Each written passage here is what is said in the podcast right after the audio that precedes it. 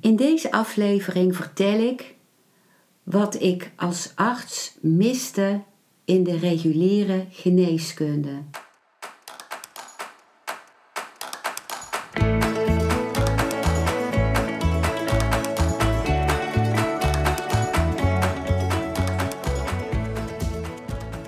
Welkom bij een nieuwe aflevering van Modita's podcast Van Pijn naar Zijn. De podcast waarin ik je meeneem voorbij de pijn in je leven naar wie je diep van binnen bent. Hoe kun je beter omgaan met je gevoelens? Hoe vind je rust in je hoofd?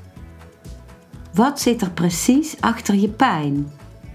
En vooral, hoe kun je steeds meer jezelf zijn? Adem eens diep in en uit. Ik wens je veel luisterplezier.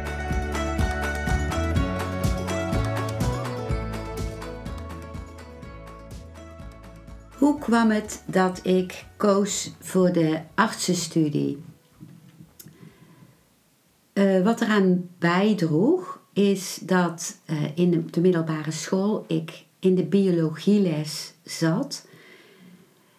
En dat daar iets me raakte wat ik eigenlijk in mijn hele middelbare schooltijd gemist had. In mijn hele middelbare schooltijd had ik gemerkt dat eigenlijk het hele wonder van het leven voor mij steeds verder afgevlakt werd door er op zo'n mechanische manier naar te kijken. Door bijvoorbeeld bij natuurkunde te kijken naar dat kleuren eigenlijk uh, op gewoon frequenties waren van een bepaalde golflengte. En ik wilde gewoon dat rood rood was en dat ik kon genieten van het rood. En zo werd eigenlijk alles wat ik leerde bijna teruggebracht tot iets heel technisch.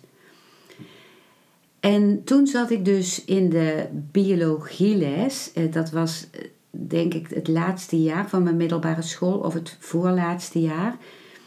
En toen ging het over ehm, de voortplanting en ook over de versmelting. De leraar vertelde over de smelting, versmelting van de eicel met de zaadcel.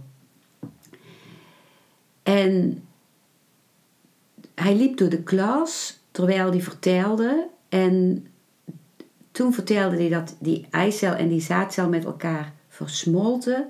En toen zei hij: En dan is er het wonder.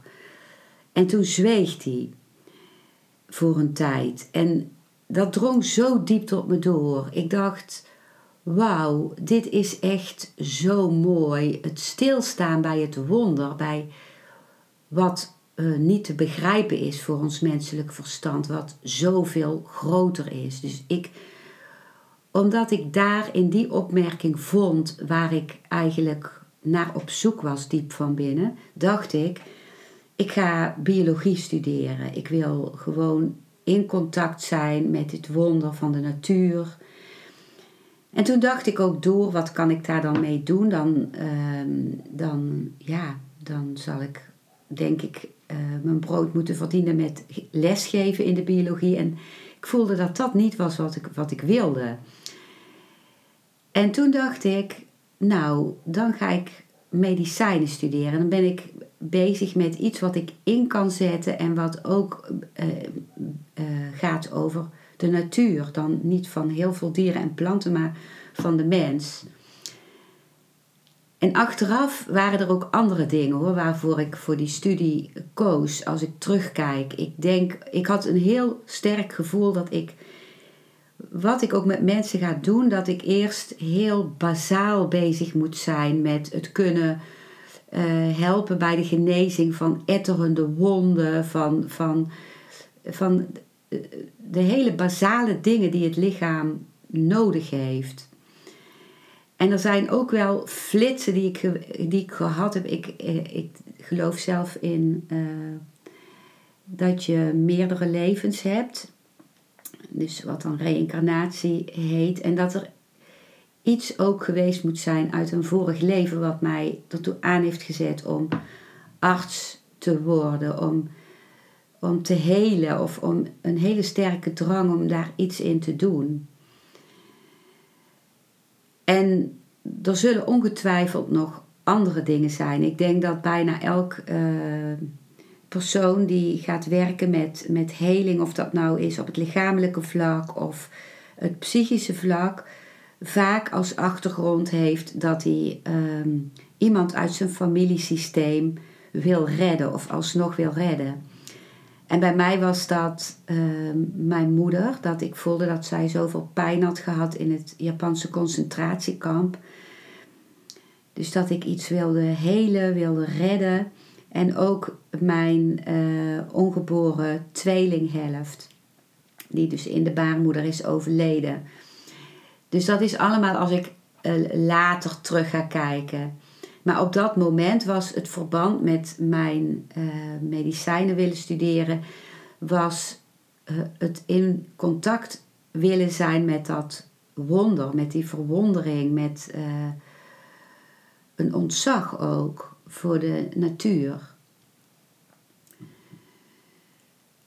En toen uh, werd ik in eerste instantie uitgeloot, maar omdat ik zulke hoge punten had gehaald op de middelbare school, ik was alsmaar bezig geweest met uh, studeren, had ik de kans om nog een keer mee te mogen loten. En toen werd ik alsnog nageplaatst. Eigenlijk moet ik ook eerlijk zeggen dat ik op dat moment ook helemaal niet meer uh, wist wat ik precies wilde doen qua beroep. Maar omdat ik nageplaatst werd, dacht ik, het, is, het was in die tijd zeker zo uitzonderlijk om ingelood te worden voor de medicijnenstudie, dat ik dacht, nou, ik grijp die kans aan. En toen zat ik daar in, voor het eerst in de collegezaal, een hele grote zaal met 300 eh, mensen. En alle uh, blinderingen gingen voor de ramen, zodat we uh, dia's konden kijken. En ook konden zien, er was een enorm uh, model van een hart, een soort heel groot kunsthart, was daar voor de collegezaal gezet. Waar met uh, rode lichtjes uh, de elektrische prikkels op te zien waren, die over het hart verspreid werden, zodat het hart zich kan gaan samentrekken.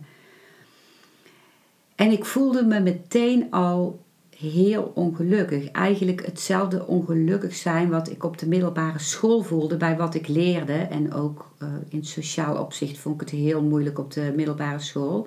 Contacten met de anderen en, en helemaal in, dat, in de puberteit zijn. Maar ik voelde me nu weer heel ongelukkig, omdat het weer zo'n mechanische kijk was. Een hart, wat, wat ik juist. Uh, ja, ik had eigenlijk gewild dat, dat ik in contact werd gebracht eerst met het wonder van het hart. Met dat dat zo klopt en dat daar misschien wel mooie muziek bij zou zijn of weet ik wat. Maar het was zo mechanisch. Dus ik voelde al aan van, oh dadelijk krijg ik ook op het menselijk lichaam precies dezelfde mechanische kijk als ik op de middelbare school op dingen had gekregen.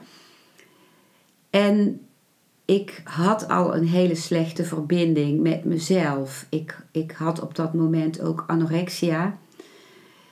Uh, ik was heel mager, dus ik, uh, eigenlijk stond mijn lichaam in een soort overlevingsstand, waardoor ik ook geen emoties meer kon voelen of geen uh, sensaties, ook geen contact met anderen, ook niet met mezelf. En dan kwam daar nog dat mechanische model van dat hart bij.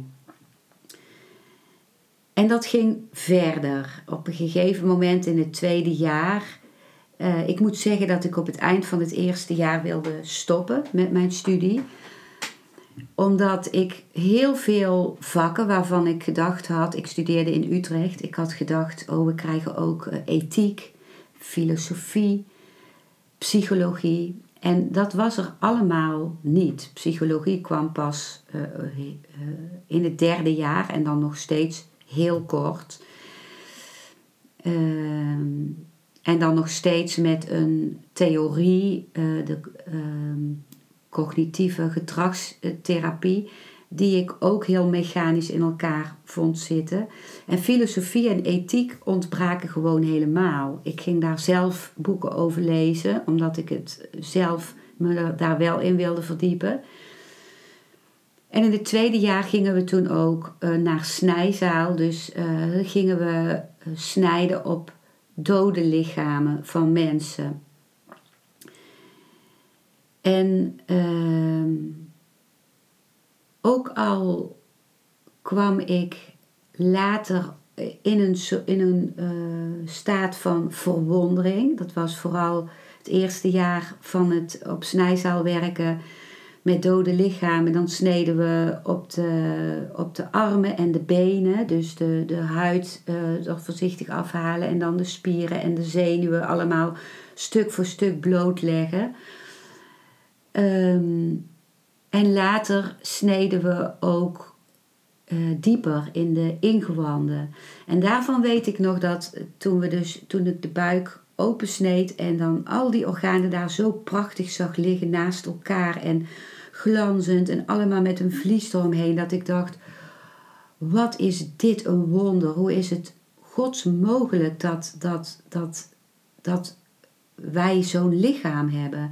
En dat heb ik wel vaker gehad in mijn studie, zeker in het tweede en derde jaar, dat ik echt in contact kwam met de verwondering. Ook als we keken door de microscoop naar de cellen en als ik dan les kreeg over wat er in die cellen nog gebeurde en hoe er een, een uh, bijvoorbeeld uh, iets wat je eet door het bloed aankomt en dat herkend wordt door de cel en dat daar dan ook zelfs boodschappermoleculen vanuit de kern naar de wand van de cel komen. Het is ongelooflijk hoe wonderlijk dat allemaal in elkaar zat. Dus in die zin heb ik zeker geen spijt dat ik die studie heb gedaan. Het, het heeft me heel veel gegeven.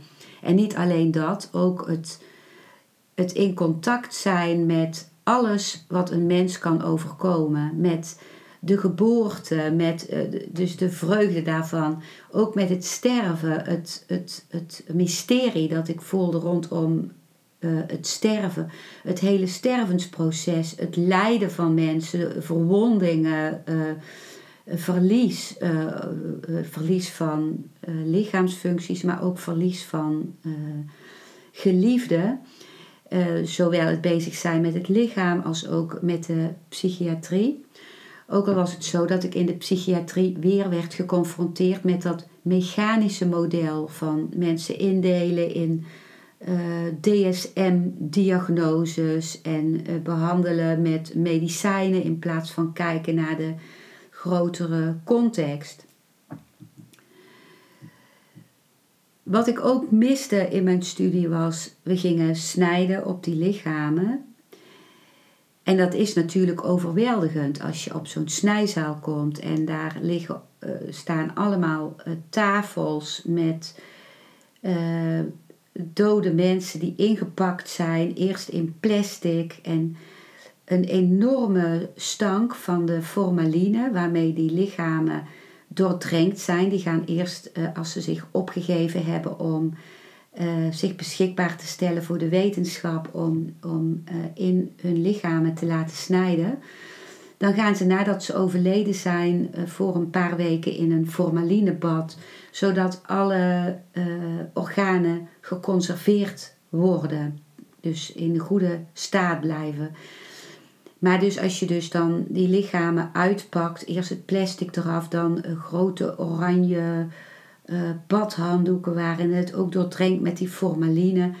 En dan pas zie je het lichaam van een dood iemand.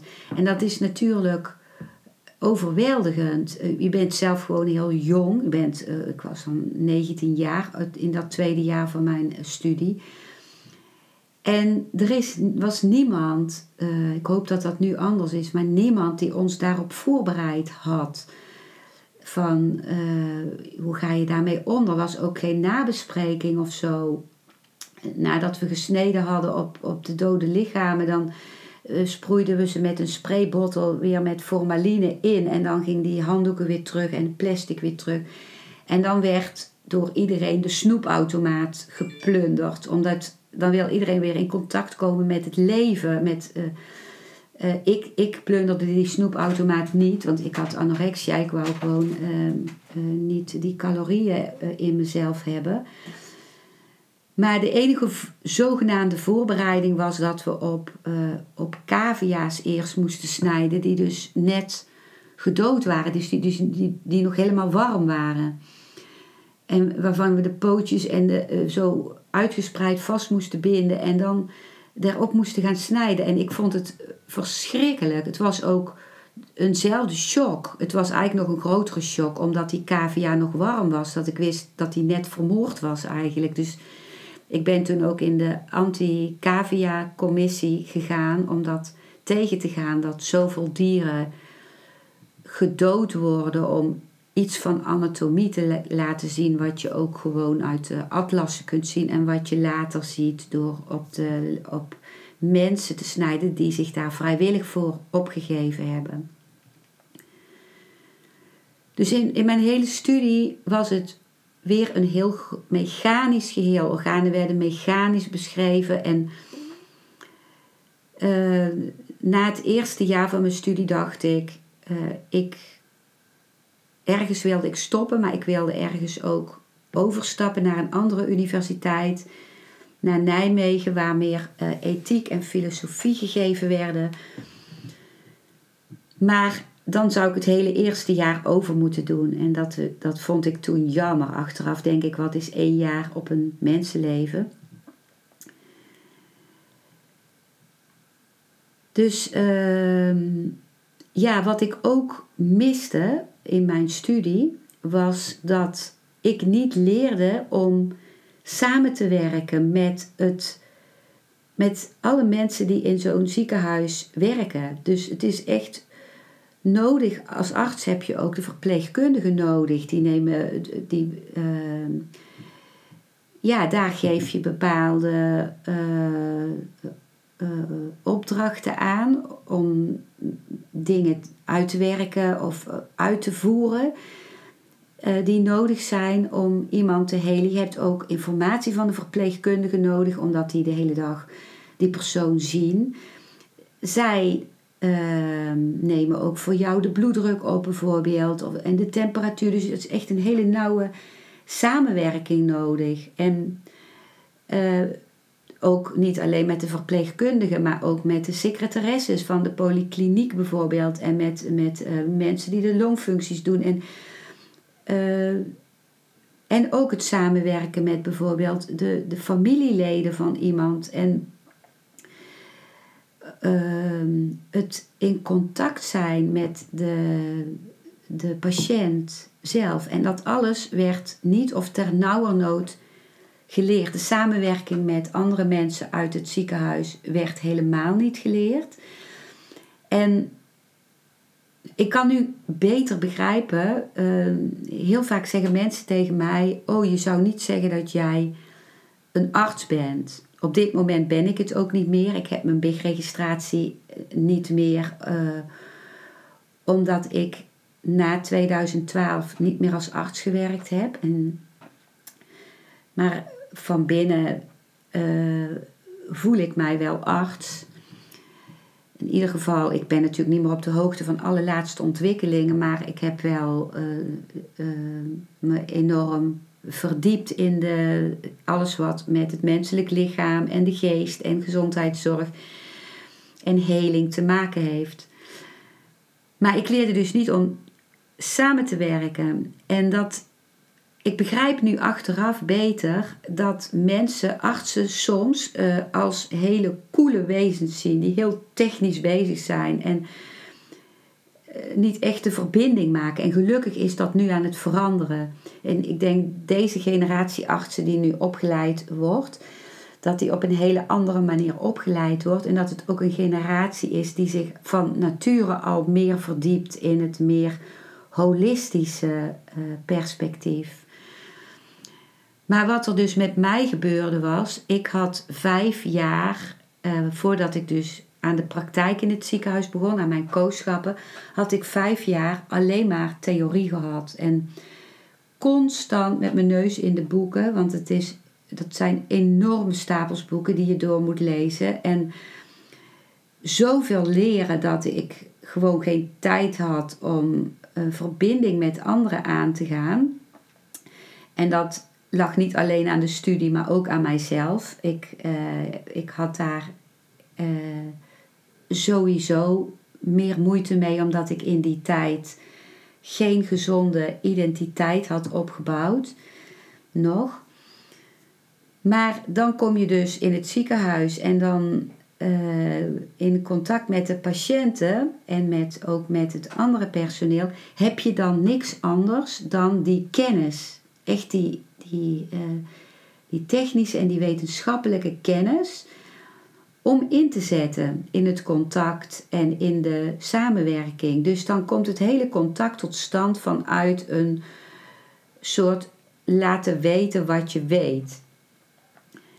Terwijl je op sociaal gebied vaak juist heel onhandig bent geworden, omdat je dat niet.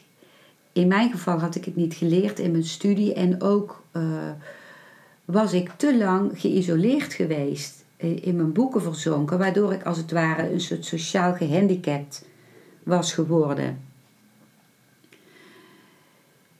En dan ook in het contact met de patiënt. We hadden heel goed geleerd hoe je een lichamelijk onderzoek deed en uh, waar je op moest letten.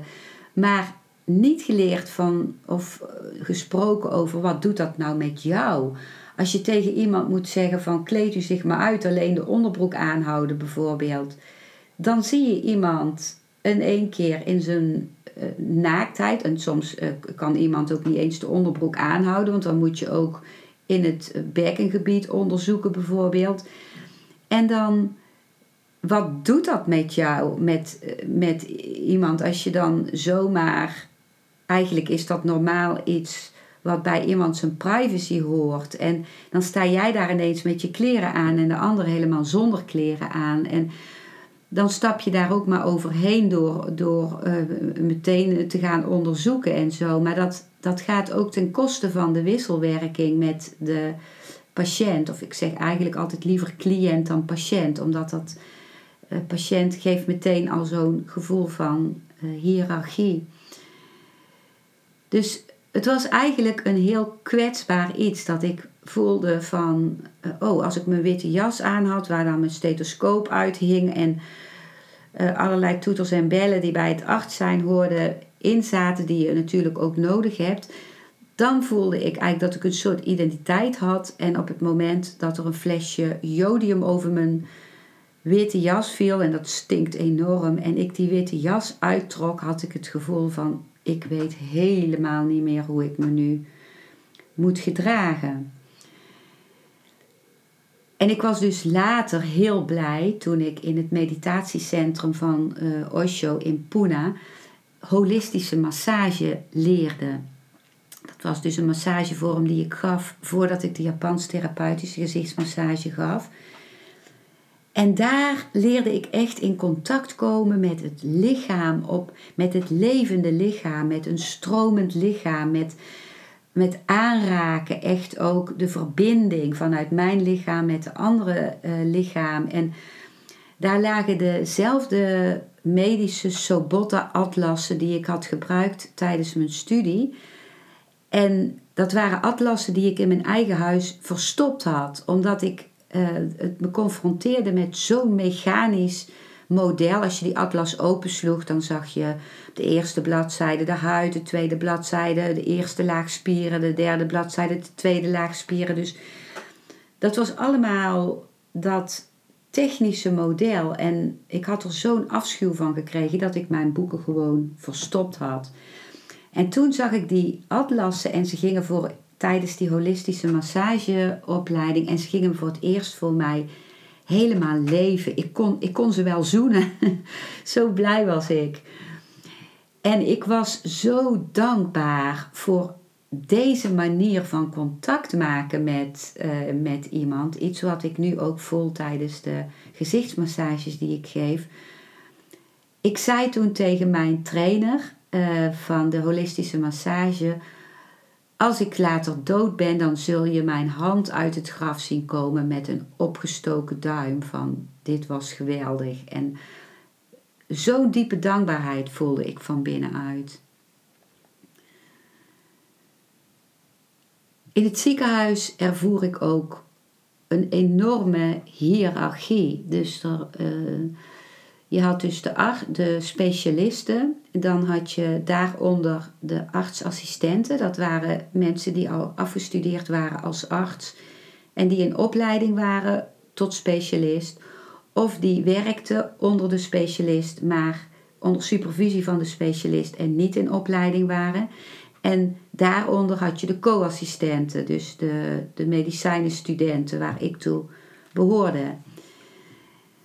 En ehm, als co-assistent werd je eigenlijk heel vaak uh, bijna afgeblaft door de artsassistenten, die weer afgeblaft werden door de specialisten.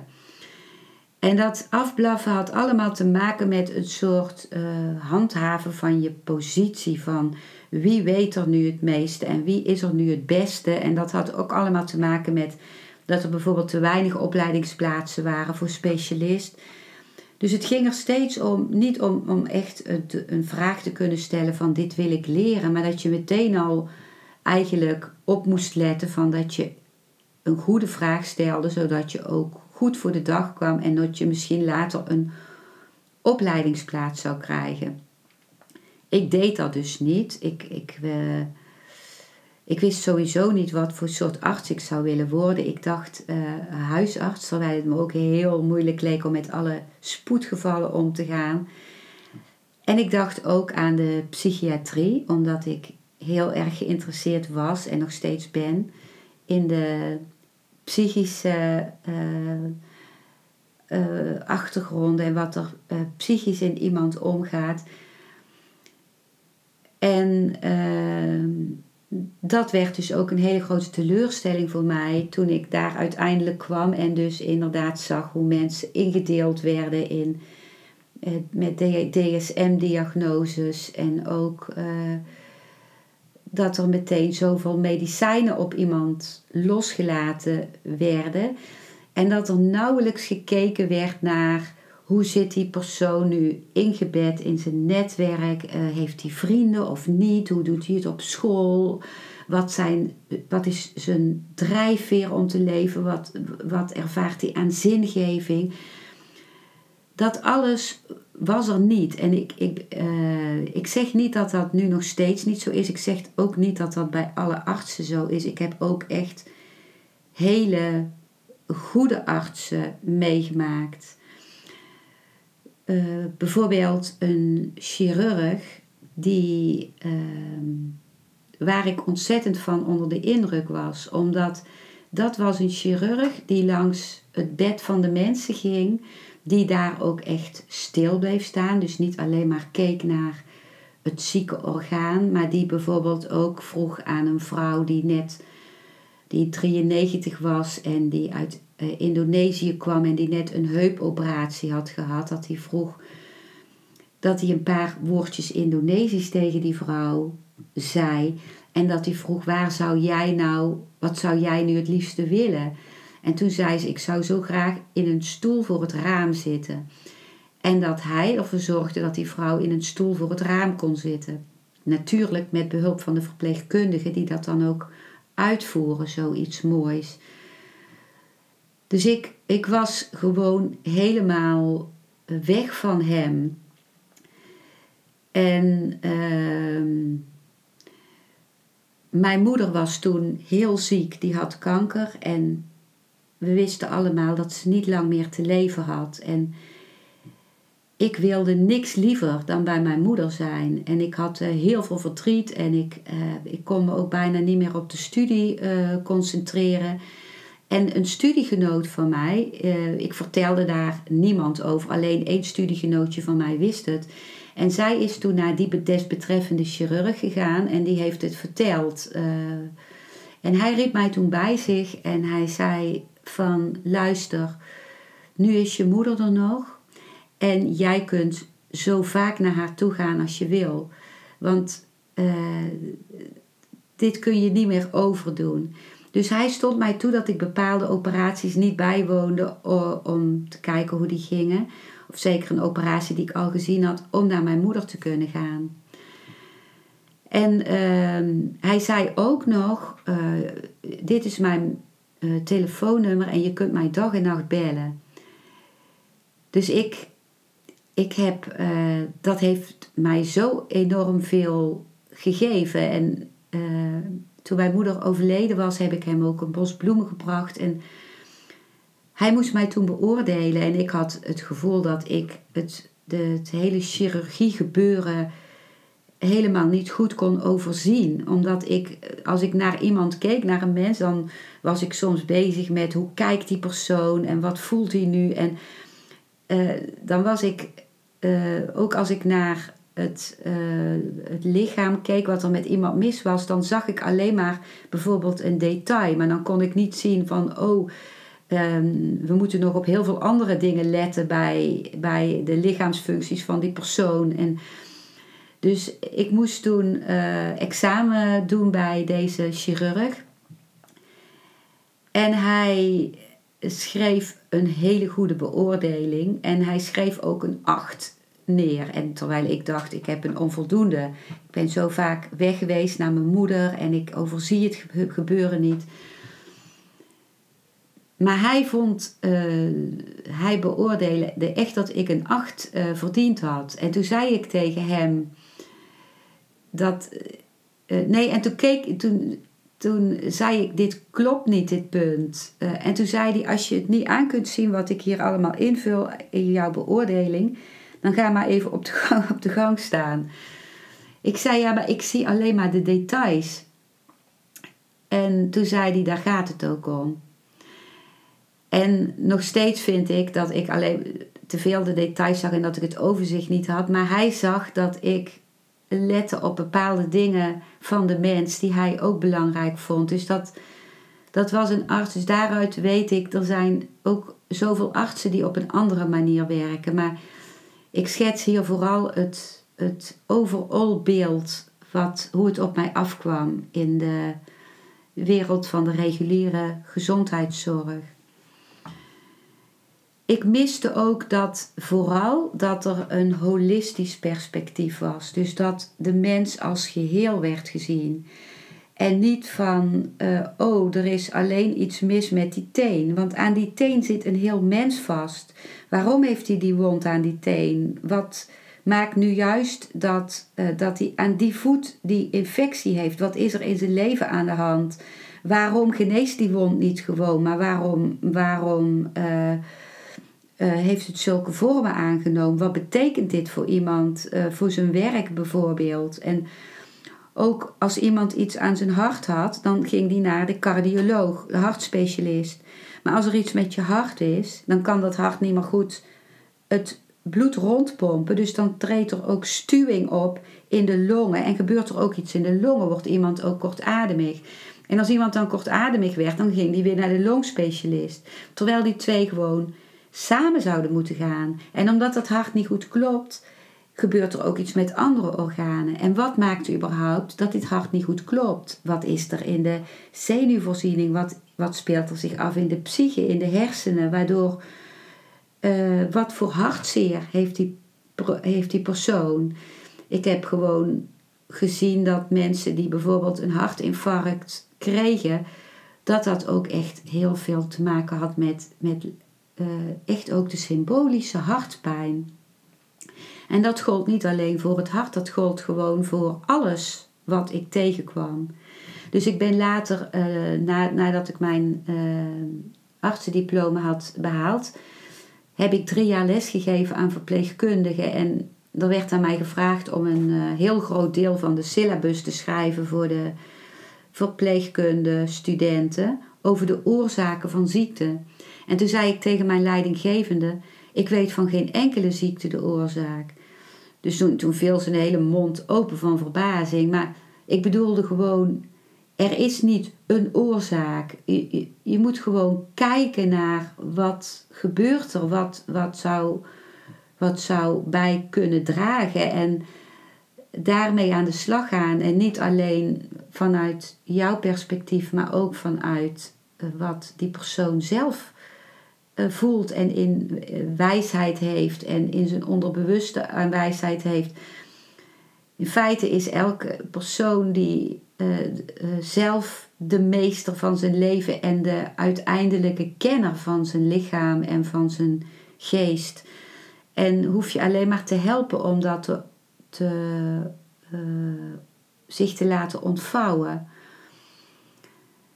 En daarmee wil ik niet zeggen dat, je, niet, dat het ook niet heel belangrijk is dat er artsen zijn. Dat is zeker heel belangrijk. Als ik mijn been breek, ga ik ook naar een arts. Als ik een infectie heb die ik niet meer te baas kan, uh, dan heb ik medicijnen nodig ook. En ehm, ik ben ik vind het ook geweldig dat artsen zich zo verdiepen in wat ze kunnen doen voor allerlei ziektes. En daar zijn enorme resultaten geboekt. En er is enorm veel lijden uit de wereld geholpen door artsen. Er is enorm veel pijnverlichting. Er is, uh, ik heb daar eh, enorm ontzag voor en een enorme bewondering. En ik, ik, ik acht ook de inzet en de motivatie om dag in dag uit met, eh, met zo'n enorme energie en tijdsinvestering zich in te zetten voor mensen. Dat staat buiten kijf. En dat geldt ook voor de verpleegkundigen. Dat geldt voor iedereen die betrokken is bij de heling van mensen. Uh, en ook betrokken bij welk beroep je ook doet. Ja, wat ik dus wel uh, miste. En dat was uh, voor mijn tijd nog veel erger natuurlijk. Dat een arts gezien werd bijna als een god of als een priester of als iemand die, die het wist. Dat is gelukkig minder aan het worden. Uh, maar dat wordt artsen nog wel vaak verweten. Dat ze gezien worden als iemand die uh, lager in een rang staat bijvoorbeeld. En dat is ook iets waar artsen zich denk ik ook wel uh, toch nog regelmatig schuldig aan maken om die houding ook te hebben. En in de tijd dat ik in het ziekenhuis werkte was dat zeker het geval. Uh, maar andersom is het ook zo dat een, de taak van de patiënt ook is om in de eigen uh, waardigheid te blijven staan en zelf uh, verantwoording te blijven nemen over de eigen gezondheid. Dus als je voelt, dit voelt niet goed met een arts of met een welke hulpverlener dan ook, om te denken: oké, daar moet ik dus niet zijn. Ik moet op zoek naar uh, iemand anders. Of dat je het uitspreekt: dit voelt niet goed. En ook zelfs, ik heb, moest als co-assistent ook mensen onderzoeken voordat ze door de specialist werden gezien. En dan moesten ze soms drie kwartier op de specialist wachten. En dan werd, uh, werd ik geacht om mensen in hun onderbroek daar, voor de rest met ontbloot lijf, in die onderzoekskamer te laten zitten. Zodat die specialist, als hij binnenkwam, meteen kon gaan kijken van, uh, kon gaan onderzoeken. En ik deed dat niet. Ik vind dat mensen onwaardig. Dus ik vroeg dan iemand, trek je kleren maar weer aan. Waardoor ik dan vaak... Uh, heel veel kwaadheid van de specialist over me heen kreeg. En ook daarvan hoop ik dat dat nu anders is. Maar het is zo belangrijk om je in te leven in uh, wat is een menselijke maatstaf. Ook als je bijvoorbeeld, uh, als iemand bijvoorbeeld gevraagd wordt bij een keuring voor het werk of zo, ben ik wel eens gevraagd om om me alvast uit te kleden en dan in mijn onderbroek in zo'n uh, uitkleed, uh, uitkleedhokje te gaan zitten. Om te wachten tot aan de andere kant de deur open ging en de arts mij binnen zou laten. Dat heb ik toen uiteindelijk niet meer gedaan. En toen zei die arts: Je bent niet uitgekleed. Ik zei: Nee, ik, ik ken u nog niet eens. Dus het is heel belangrijk om bij elke stap te kijken als arts zijnde en of als hulpverlener zijnde van wat betekent dit voor die persoon? Wat is gewoon een, een menselijke verhouding? In die zin ben je, denk ik, de beste heler als je een vriend bent van de ander. Als je gelijkwaardig bent met de ander. Jij hebt dan wel die kennis, maar je bent gelijkwaardig. En als cliënt om te voelen, wat, wat voelt nog goed voor mij? Is dat echt wat ik wil om daar al in, al in mijn onderbroek in zo'n hokje te gaan zitten? Is dat, past dat bij mijn waarden? Dus ik zeg net dat ik belangrijk vind de, de houding van vriendschap. Ik ben ervan overtuigd dat de, de enige, het enige wat heelt, wat geneest, liefde is.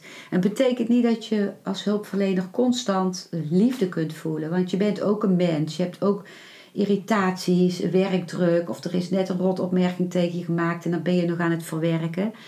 Maar ik ben er wel van overtuigd dat liefde uiteindelijk uh, heelt. En ook dat tijd en ruimte belangrijk zijn, vertraging ook. En dat mist sowieso in onze maatschappij.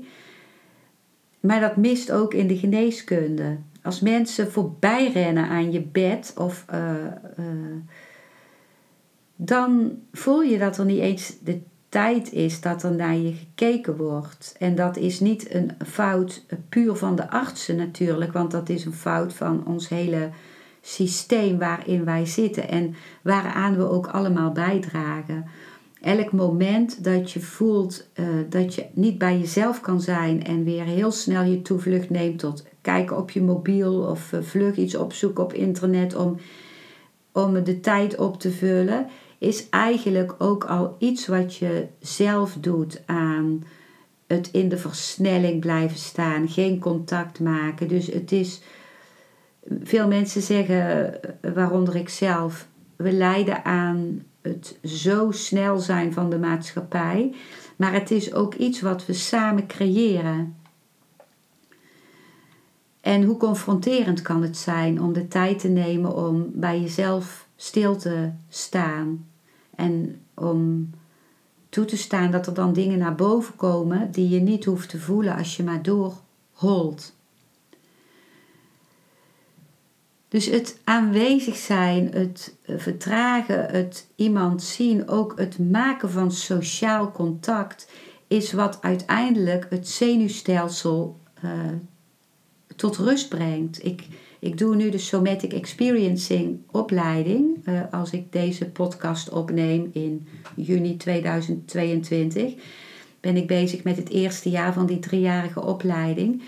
En dan leer ik ook hoe een zenuwstelsel dat veel te gestrest is geworden. Nou, mensen die ziekte hebben of die net een, een, een ongeluk hebben meegemaakt of wat dan ook en die bij een arts komen, die zitten in heel veel stress. Of ze zitten juist in een shutdown, waarbij ze helemaal in een soort verlamming zijn gekomen.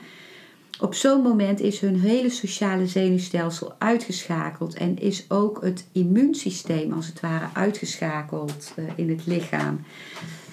En op het moment dat jij dan echt contact maakt met iemand als hulpverlener, dan kan iemand weer iets van veiligheid gaan, gaan ervaren. En kan dat zenuwstelsel weer in balans komen. En kan ook het helende proces in het lichaam pas tot stand komen. En toen ik co-assistent was, wil ik een voorbeeld geven. Toen was er een man opgenomen op de spoedeisende hulp. Die zichzelf die overal snijwonden had. Hij had zichzelf gesneden uit wanhoop. Zijn eh, vriendin had het uitgemaakt via de telefoon. En uh, terwijl hij aan de telefoon hing, heeft hij zich met een mes overal opengesneden. En hij, wat, toen ik binnenkwam, was er een scène dat die man op de, dus op de brancard lag van de spoedeisende hulp, op die tafel.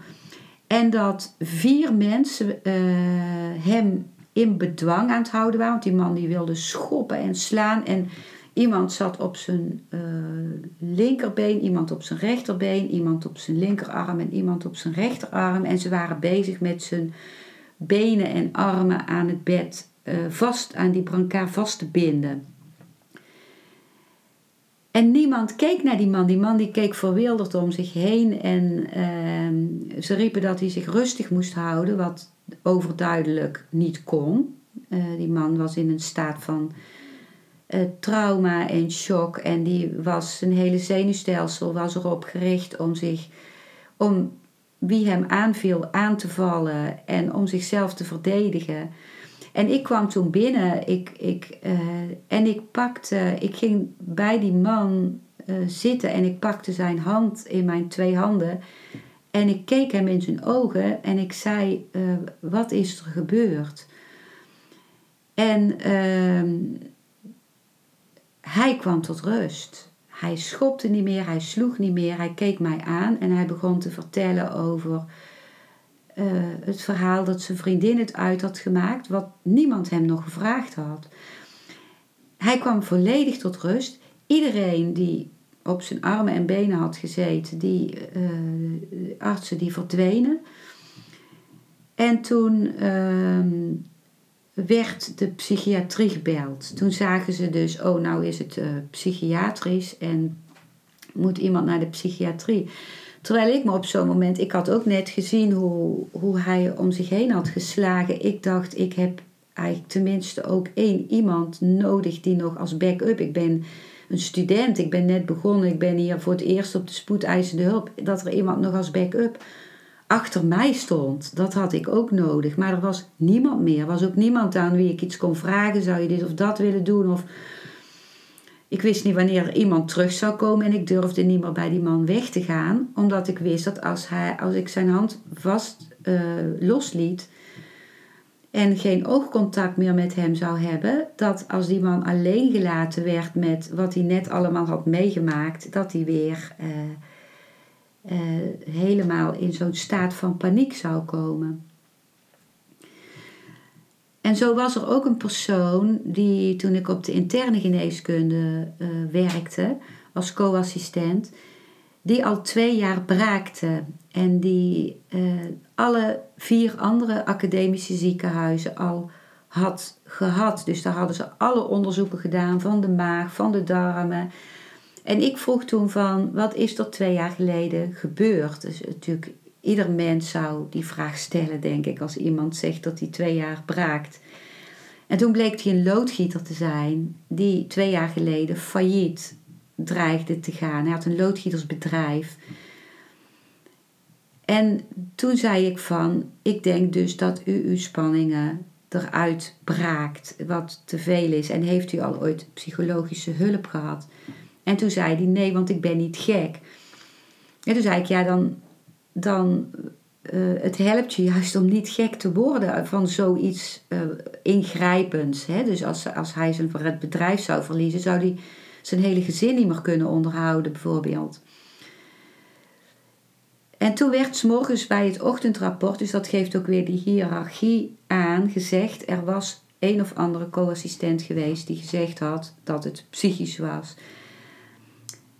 En dus ik voelde wel de, de, de hit die aan mij gegeven werd, ook nog zonder mijn naam te noemen. En ik, die, diezelfde avond liet die man zich van de hoogste trap van het ziekenhuis afvallen. En toen werd dus ook duidelijk dat het psychisch was. En werd er een busje van de psychiatrie uh, uh, geroepen om hem op te halen en naar het psychiatrische terrein van het academisch ziekenhuis te brengen. En dat zijn voorbeelden waarvan ik hoop dat die op dit moment niet meer voorkomen. Maar het is niet of psychiatrisch of medisch, het is er, het is er gewoon allebei. Want psyche en lichaam, die staan, dat is één geheel. Dus het is zo belangrijk. Gelukkig is er nu ook de term psychosomatische aandoeningen, maar het is, alles is psychosomatisch in mijn ogen. En wat ik mis is dat gelukkig wordt er steeds meer samengewerkt tussen de reguliere geneeskunde en de, de, de, de kundigheden die alternatief worden genoemd. Het heeft in mijn ogen vaak niks met alternatief zijn te maken. Het heeft met alle dingen zijn aanvullend op elkaar. Dus ik ben in het. Uh, ik heb de gelukkige omstandigheid dat ik nu bij huisartsen ben die, uh, die holistisch kijken en die ook een osteopaat bijvoorbeeld als onderdeel hebben van hun praktijk. En die op het moment dat ik een pijn had in mijn blaas en dat het geen blaasontsteking bleek te zijn, dat die huisartsen zeiden van goh, daar zit zoveel spanning in dat gebied, ik verwijs je door naar de osteopaat.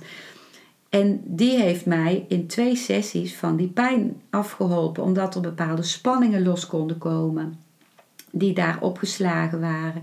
Dus het is zo van wezenlijk belang dat er samengewerkt wordt. En gelukkig gebeurt dat steeds meer. Is er al sowieso een wisselwerking tussen artsen en fysiotherapeuten.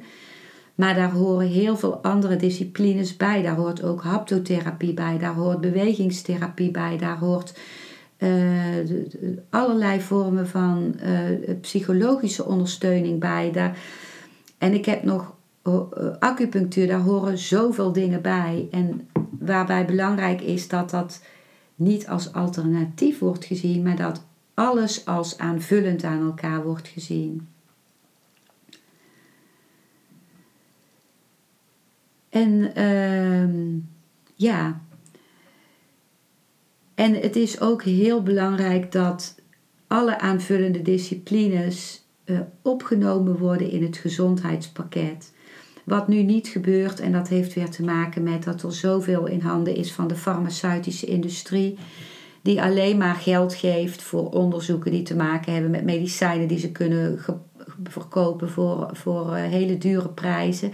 En alles wat niet in verband staat met medicijnen, dat daar geen geld voor uitgetrokken wordt. En die farmaceutische industrie staat weer in verbinding met de, met de zorgverzekeraars. En ik ga daar nu allemaal niet dieper op in, maar het is een heel omvangrijk iets waar zo'n shift in nodig is.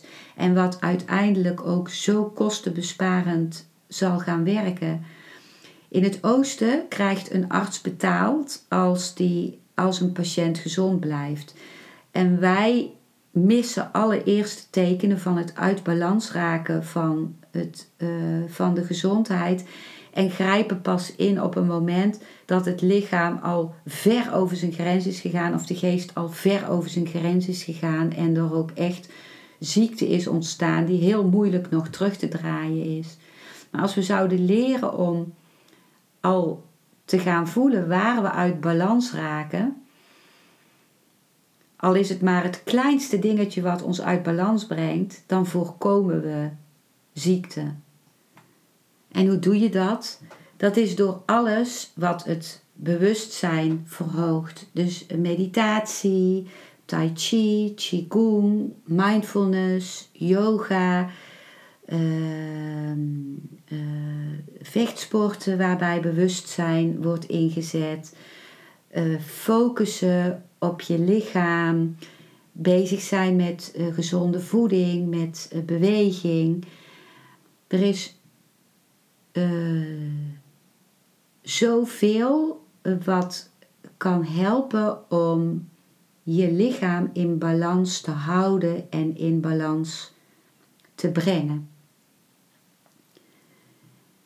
Dit was wat ik op dit moment over wilde zeggen over wat ik miste in de reguliere geneeskunde en over wat ik wenselijk zou vinden in uh, het gezond worden en gezond blijven.